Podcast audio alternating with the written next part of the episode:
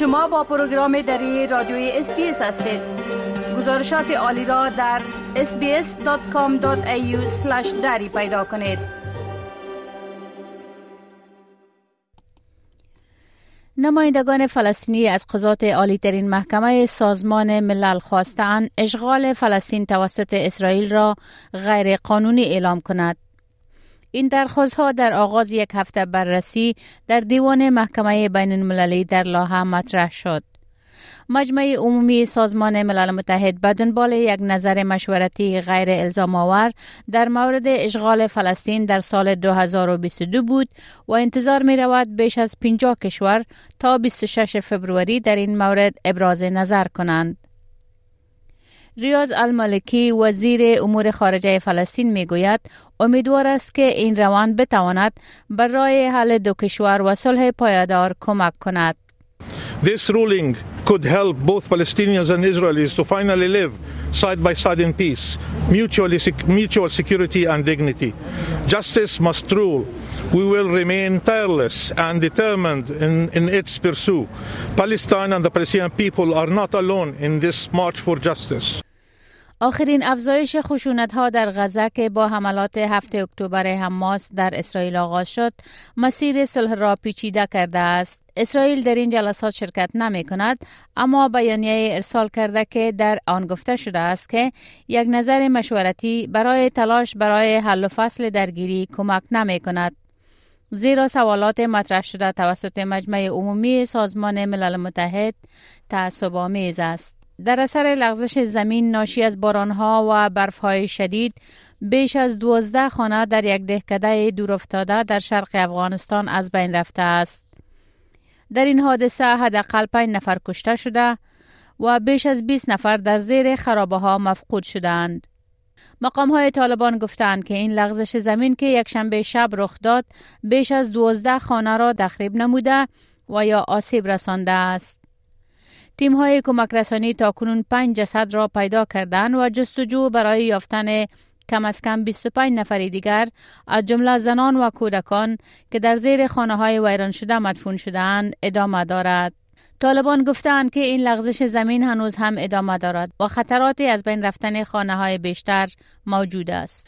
در گزارشی از قول بی بی سی آمده است که در پایان نشست دو روزه نمایندگان خاص کشورها در مورد افغانستان به میزبانی سازمان ملل در دوحه رئیس عمومی این سازمان آن را موثر و سازنده خواند اما در عین حال افزود که مشکلات در تعامل جامعه جهانی با طالبان وجود دارد. آقای انتونیو گوترش در پایان این نشست گفت که شرکت کننده ها بر سر بسیاری از موضوعات اساسی درباره چگونگی تعامل با افغانستان و طالبان توافق کردند در همین حال روسیه تصمیم طالبان برای شرکت نکردن در این نشست را منطقی خوانده است و گفته است به این دلیل در گفتگو با نمایندگان جامعه مدنی افغانستان شرکت نمی کند.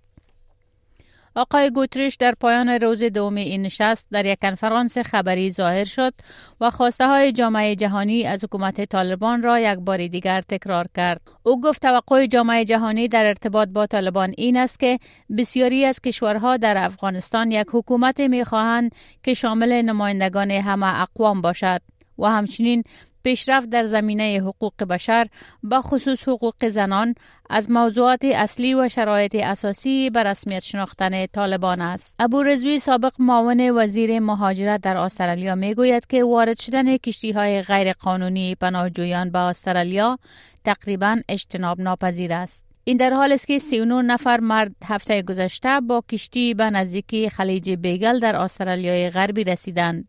آقای رزوی به سیاستمداران هشدار داده است که مراقب بحث های ناشی از این وضعیت و لفاظی های آنها در مورد ورود کشتی ها باشند و می‌گوید این می تواند منجر به ورود کشتی های غیر قانونی شود. او می‌گوید که مهم است مردم در مورد این وضعیت اغراق نکنند. I think we've got to remember we've got a very very big coastline along the west. The sea between Australia and Indonesia is huge. The number of fishing boats that look almost identical to an asylum seeker boats is huge. The chances of a boat being missed is always there despite uh, the efficiency of our Navy. One or two boats will get through. That, that's just almost inevitable. And I think we just need to accept that rather than getting into this hysterical panic. پیتر داتن رهبر اپوزیشن در حکومت فدرال استرالیا مدعی است که حکومت فدرال تلاش های خود برای جلوگیری از ورود پناهجویان به استرالیا توسط کشتی و به صورت غیر قانونی را کاهش داده است. یک مقام وزارت دفاع استرالیا می گوید که کنترل سرحدات آبی استرالیا در حکومت فعلی به همان اندازه است که در حکومت قبلی بود اما آقای داتن می گوید ورود این کشتی نشان می دهد که سرحدات آبی استرالیا درست کنترل نمی شود آقای پیتر داتن افزود که صدر استرالیا آقای انتونی البانیزی حقیقت را در مورد این موضوع نمی گوید. It's clear that they don't have the same surveillance in place that we had when we were in government. It's inconceivable that a boat of this size, carrying 40 plus people, could make it to the mainland without there being any detection. And the Prime Minister carried on with some stupid story. He was caught completely by surprise. He had not a clue that this boat had arrived. So I don't think you can take this Prime Minister uh, at face value. You certainly can't take یک مطالعه جدید مربوط به استفاده از سیگرت در استرالیا اثرات منفی استفاده از سیگرت را به بحث گرفته و نشان داده که اکثر آن کسانی که سیگرت می‌کشند در واقع کار می‌کنند تحصیل کرده و در توجه به صحت روانی خوب هستند. تحقیقات دانشگاه ملی استرالیا نشان داد که از 2.5 میلیون نفره که روزانه در استرالیا سیگرت می‌کشند حدود 69 درصد مشغول کار هستند. همچنین مشخص شد که 69 درصد این افراد دوره مکتب را تا سنف 12 به پایان رسانده و 73 درصد صحت روانی خوبی دارند. پروفسور امیلی بانکس در مورد اهمیت این مطالعه می گوید Smoking is a community wide issue And there are particular groups where it is more common and they need additional support. But really, smoking as an issue is not confined to any one group. Well, this evidence can really counter a lot of the stereotypes we have about people who smoke and can also help to reduce stigma. کمیسیون حقوق بشر استرالیا می گوید نگران است که سلب تابعیت استرالیایی های محکوم به فعالیت های تروریستی امنیت استرالیا را بیشتر متضرر بسازد.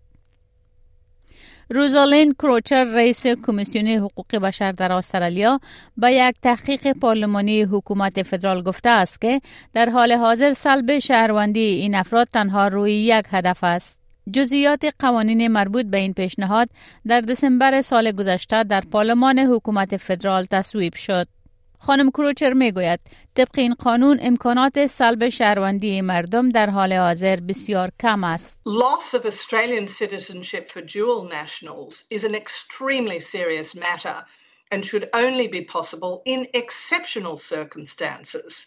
Given the stakes involved, only the gravest criminal conduct should be captured by the regime. Yet under the Act, a court can make a citizenship cessation order if, among other requirements, the court has imposed a sentence of only three years imprisonment. خانم کروچر می‌گوید شرایط سه سال زندان برای افرادی که دست به اعمال تروریستی می‌زنند باید به شش سال افزایش یابد و افراد زیر 18 سال نباید تحت پوشش این قوانین قرار گیرند. می خواهید این گونه گزارش ها را بیشتر بشنوید؟ با این گزارشات از طریق Apple Podcast، Google Podcast، Spotify و یا هر جایی که پادکاستتان را می گیرید گوش دهید.